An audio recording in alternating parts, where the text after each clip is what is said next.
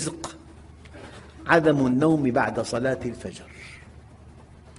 فقد قال عليه الصلاة والسلام الصبحة تمنع الرزق وفي رواية تمنع بعض الرزق.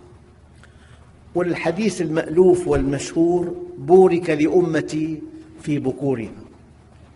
والذي يؤلم أشد الألم أن الغربيين في أوروبا وفي أمريكا وفي أستراليا تبدأ الحركة الكثيفة. بدءا من الساعة الخامسة صباحا. كنت قبل أسبوع في مدينة بفرنسا. والله الساعة التاسعة مساء ما وجدت إنسان في الطريق ولا إنسان. في مدينة كبيرة ينامون باكرا لترتاح أجسامهم وينهضون باكرا إلى أعمالهم ليركزوا في أعمالهم.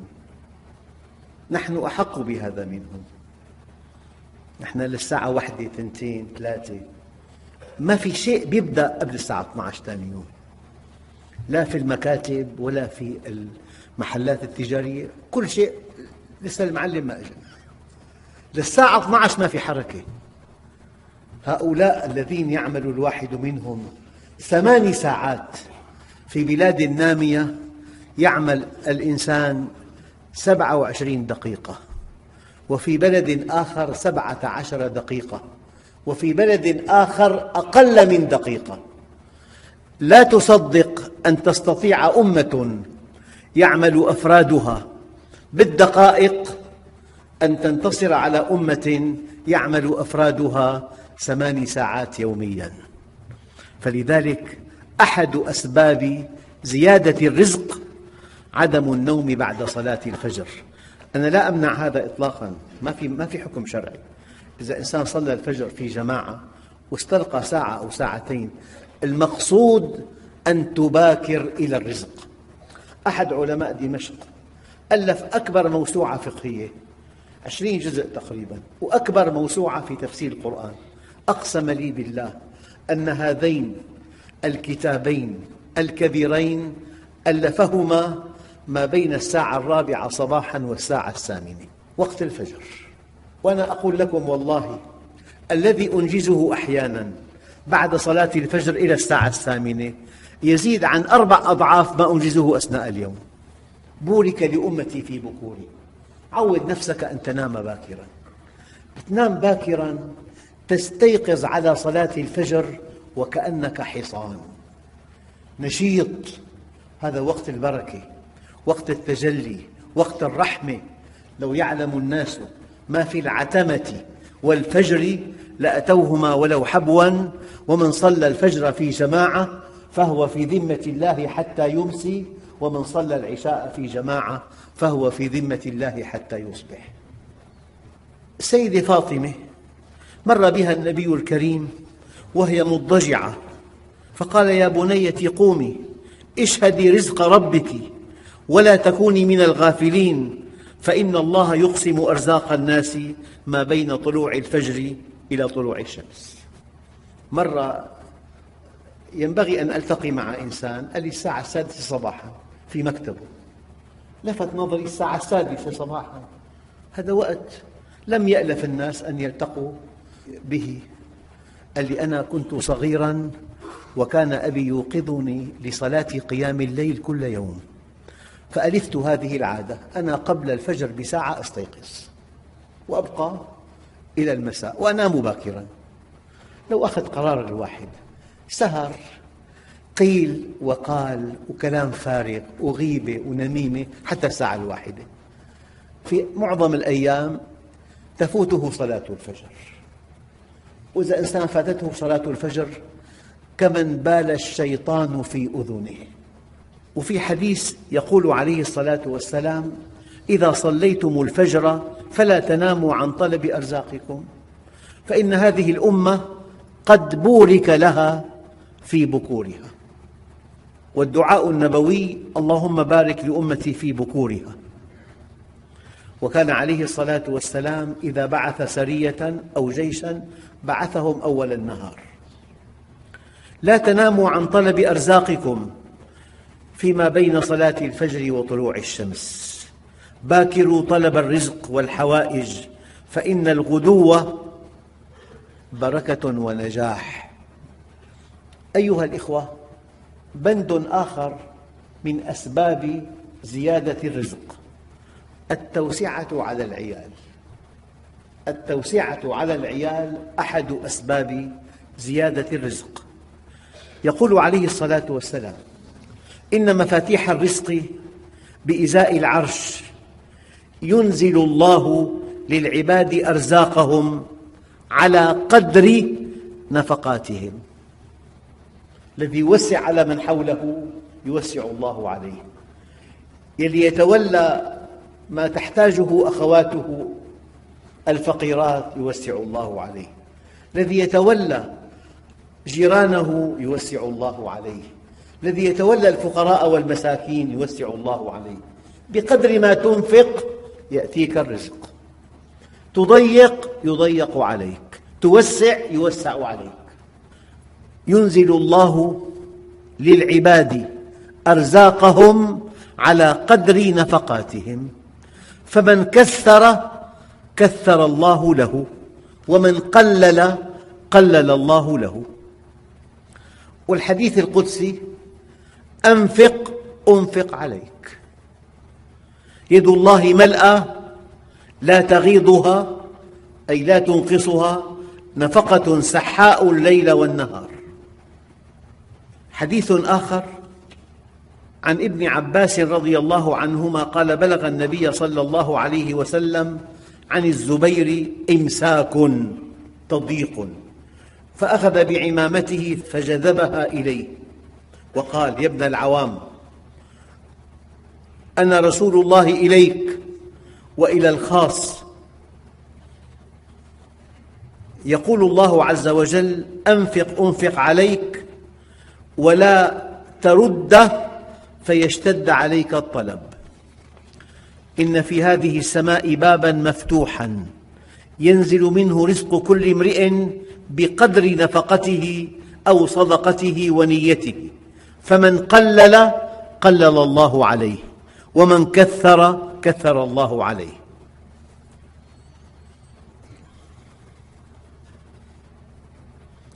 وفي حديث آخر يقول عليه الصلاة والسلام يا عمران إن الله تبارك وتعالى يحب الإنفاق ويبغض الإختار. فأنفق وأطعم. ولا تصرر صرا فيعسر عليك الطلب. وعن علي رضي الله عنه عن رسول الله صلى الله عليه وسلم أنه قال السخاء شجرة من شجر الجنة أغصانها متدليات في الدنيا. من أخذ بغصن منها قاده ذلك الغصن إلى الجنة. والبخل شجرة من شجر النار. أغصانها متدليات في الدنيا. من أخذ بغصن منها قاده ذلك الغصن إلى النار. أنفق أنفق عليك. أنفق بلال ولا تخش من ذي العرش إقلالا. أيها الإخوة في عنا بند آخر سادس. حسن الخلق أحد أسباب زيادة الرزق. عن أنس رضي الله عنه قال قال عليه الصلاة والسلام حسن الخلق وكف الأذى يزيدان في الرزق. الحليم مرزوق العفو مرزوق الكريم مرزوق المنصف مرزوق. حسن الخلق وكف الأذى يزيدان في الرزق. وعن عبادة بن الصامت عن رسول الله صلى الله عليه وسلم أنه قال إن الله تعالى إذا أراد بقوم بقاء أو نماء رزقهم السماحة والعفاف. وإذا أراد بقوم اقتطاعا فتح عليهم باب خيانة حتى إذا فرحوا بما أوتوا أخذناهم بغتة فإذا هم مبلسون.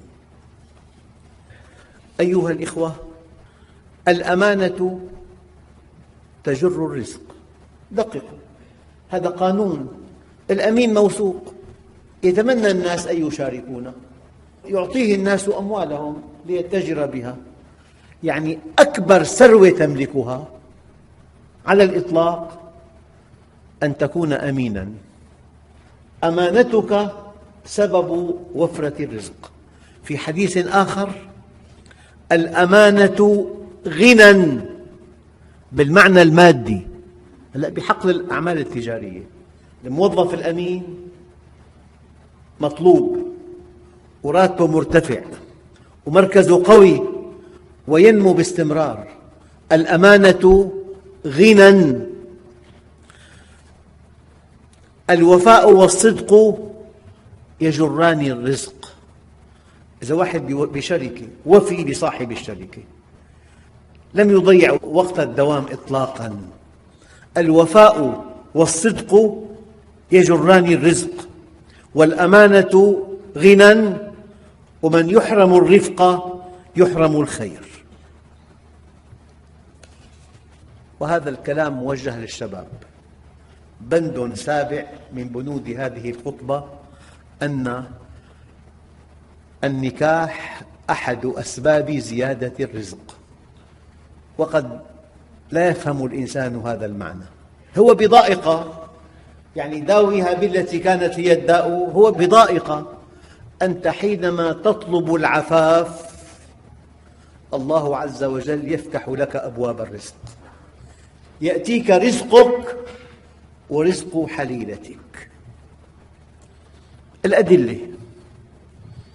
يقول عليه الصلاة والسلام فيما رواه ابن عباس التمسوا الرزق بالنكاح. أنت حينما تفكر أن تتزوج امرأة صالحة تسترها وتجبر خاطرها. أنت الآن مرزوق تصير وعن عائشة رضي الله عنها أنها قالت قال عليه الصلاة والسلام تزوجوا النساء فإنهن يأتينكم بالمال. يعني تأتي ومعها رزقها والآية الكريمة أن رجلاً أتى النبي صلى الله عليه وسلم فشكى إليه الحاجة والفقر. فقال عليك بالباءة عليك بالزواج. شكى إليه الفقر. ما معه؟ قال له عليك بالزواج. وعن عمر رضي الله عنه قال عجبت لرجل لا يطلب الغنى بالباءة بالزواج. والله تعالى يقول دققوا الآن. افهموها فهم خاص هذه الآية. إن يكونوا فقراء قبل الزواج يغنيهم الله من فضله بعد الزواج. وفي بالجامع الصغير عدة أحاديث تبدأ بحق. حق الوالد على ولده حق الولد على أبيه حق الزوج على زوجة حق الزوج على زوجته حق المسلم على المسلم حق أحاديث كثيرة لكن في حديث واحد إذا قرأه الشاب ينبغي أن يقشعر جلده. حق المسلم على الله أن يرزقه إذا طلب العفاف. حق المسلم على الله أن يرزقه إذا طلب العفاف. وقال عليه الصلاة والسلام ثلاثة حق على الله أن يغنيهم. المجاهد في سبيل الله والناكح يريد أن يستعفف والمكاتب يريد الأداء وعن أبي بكر رضي الله عنه عن النبي صلى الله عليه وسلم أنه قال أطيعوا الله فيما أمركم به من النكاح أطيعوا الله أنت حينما تتزوج تطيع الله. الدليل وأنكحوا الأيام منكم. أمر إلهي تزوجوا أيها الشباب. أطيعوا الله فيما أمركم به من النكاح ينجز لكم ما وعدكم به من الغنى. أطيعوا الله فيما أمركم به من النكاح ينجز لكم ما وعدكم من الغنى. قال تعالى إن يكونوا فقراء يغنهم الله من فضله وعن جابر رضي الله عنه قال جاء رجل إلى النبي صلى الله عليه وسلم يشكو إليه الفاقة فأمره أن يتزوج كم حديث صاروا؟ ثلاث من فعلهن ثقة بالله واحتسابا كان حقا على الله أن يعينه وأن يبارك له. من سعى في فكاك رقبة ثقة بالله واحتسابا كان حقا على الله أن يعينه وأن يبارك له. ومن تزوج يقول لك ما عندي بيت ما عندي عمل كيف أقدم على الزواج؟ نقول لك أقدم على الزواج ثقة بالله. كل هذه الأحاديث. وتلك الآية ينبغي أن تكفيك أن تثق بالله. من تزوج ثقة بالله واحتسابا كان حقا على الله أن يعينه. وأن يبارك له. ومن أحيا أرضا ميتة ثقة بالله واحتسابا كان حقا على الله أن يعينه وأن يبارك له. أما من, من تتزوج؟ حديثان. يقول عليه الصلاة والسلام إذا تزوج الرجل المرأة لدينها وجمالها بس بدأ بدينها لدينها والجمال مطلوب لدينها وجمالها كان ذلك سدادا من عوز. أما الحديث الذي يقسم الظهر من تزوج امرأة لعزها لم يزده الله إلا ذلا. ومن تزوجها لمالها فقط. ما همه أمر دينها؟ لم يزده الله إلا فقرا. ومن تزوجها لحسنها لم يزده الله إلا دناءة ومن تزوجها لم يتزوجها إلا ليغض بصره أو ليحصن فرجه أو ليصل رحمه. بارك الله له فيها وبارك لها فيه. يعني فعليك بذات الدين تربت يدك. أيها الإخوة الكرام هذه بنود سبعة في زيادة الرزق وأرجو أن يكون هناك خطبتان حول هذا الموضوع المتسلسل. فإذا جمعنا هذه الموضوعات كلها أعتقد أكثر من اثني عشر موضوعاً نكون قد عرفنا كيف يزداد الرزق وهي وعود إلهية وزوال الكون أهون على الله من ألا يحقق وعوده للمؤمن. أيها الإخوة الكرام في موضوع العبادة كنت أذكر كثيراً أن هناك عبادة الهوية. الغني له عبادة والعالم له عبادة والقوي له عبادة والمرأة لها عبادة. هذه عبادة الهوية. وهناك عبادة الظرف. عندك مريض العبادة الأولى العناية بالمريض. عندك ضيف العناية الأولى إكرام الضيف. عندك ابن عنده امتحان. أتمنى على الأسر الواعية. أن تلغي أكثر برامجها في هذا الشهر. زيارات طويلة وسهرات مديدة واحتفالات وولائم أوقفوا هذه النشاطات وهيئوا أجواء لأولادكم. كونوا ساهرين على دراستهم وعلى توفير الأجواء لهم. أخفضوا كل صوت يزعجهم. هي حضارة الأمة بشبابها الأمة بعلمائها. امتحان الشهادة الثانوية امتحان الشهادة الإعدادية امتحانات الجامعة. هذا الطالب مستقبله بنجاحه. يعني علامة واحدة يمكن أن يكون في دمشق مع أهله والإنفاق صفر صار بحلب. يحتاج إلى نفقات مواصلات واستئجار بيت. علامة واحدة. فأنا أرى من باب عبادة الظرف. هذا الشهر لو تجمل الولائم والسهرات واللقاءات والنزهات ويهيأ لأولادنا وشبابنا الأجواء الدراسية وهذا الذي يخشى الله ويحب الله أو عنده سلوك حضاري ليغلق كل أجهزة الإذاعة المذياع والتلفزيون يعني صوت لا يصل إلى أي مكان آخر. أما هذا الذي يترنم بأغنية يحبها؟ أين هو؟ هذا الذي يتغنى بغير القرآن.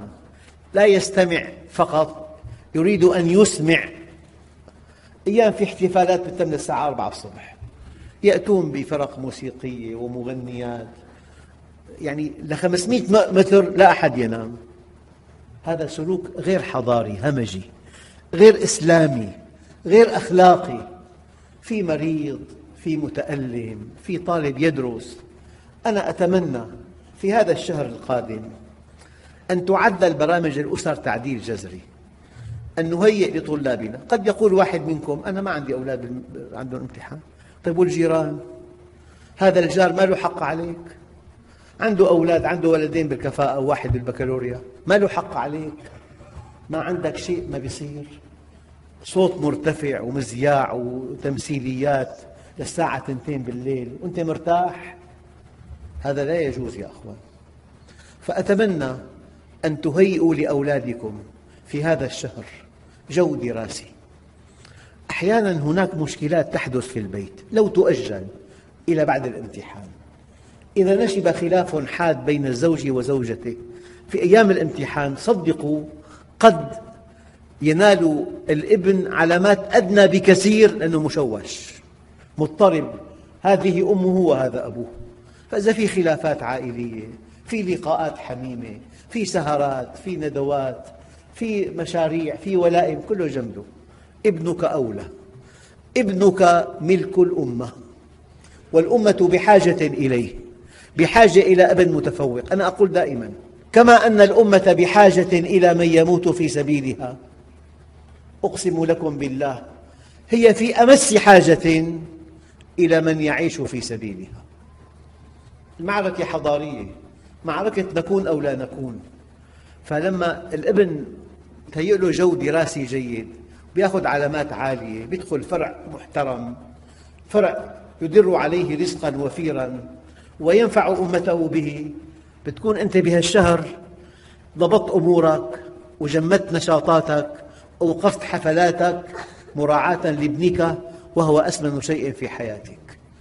وأنا أتألم أشد الألم حينما أرى تفلتا في فتح المذياع وفتح الأغاني وفتح التمثيليات إلى ساعة متأخرة من الليل أو أنه احتفال أو عرس أو كتاب للساعة واحدة بالليل. فرق النشيد ل 200 متر واصل صوته. طيب في بيوت. طبعا في العالم الآخر الغربي بتحس ما في إنسان بالبلد. بتكون الساعة 8 صباحا. الطرقات ممتلئة بلا صوت. يعني إطلاق بوق السيارة في مؤاخذة كبيرة جدا. جو الصخب جو همجي. جو الهدوء جو حضاري. جو إسلامي. الهدوء والسكينة. أتمنى عليكم من أعماقي. بتقول لي أنا ما عندي ولد مدرسة. أنت ما بصيرك عنده. جارك في عنده. عنده خمس أولاد عندهم فحص. فهذا الشهر شهر دراسة. وأنت من عبادة ربك حينما توفر لأولادك أو لأولاد جيرانك جوا مناسبا للدراسة. يعني أنا معلوماتي الدقيقة آلاف الطلاب يرسبون لأنهم تأخروا عن الامتحان. لماذا تأخروا؟ أهلهم نائمون. والابن درس دراسة مطولة حتى الساعة 2 ما فاق صباحا. خسر العام الدراسي كله. يجب أن يكون الأهل يقظين. هم يوقظونه. يهيئون له الطعام المناسب حاجاته الأساسية يوصلونه إلى الامتحان بسيارتهم. هذا الذي أتمناه عليكم أن تعتنوا بأولادكم.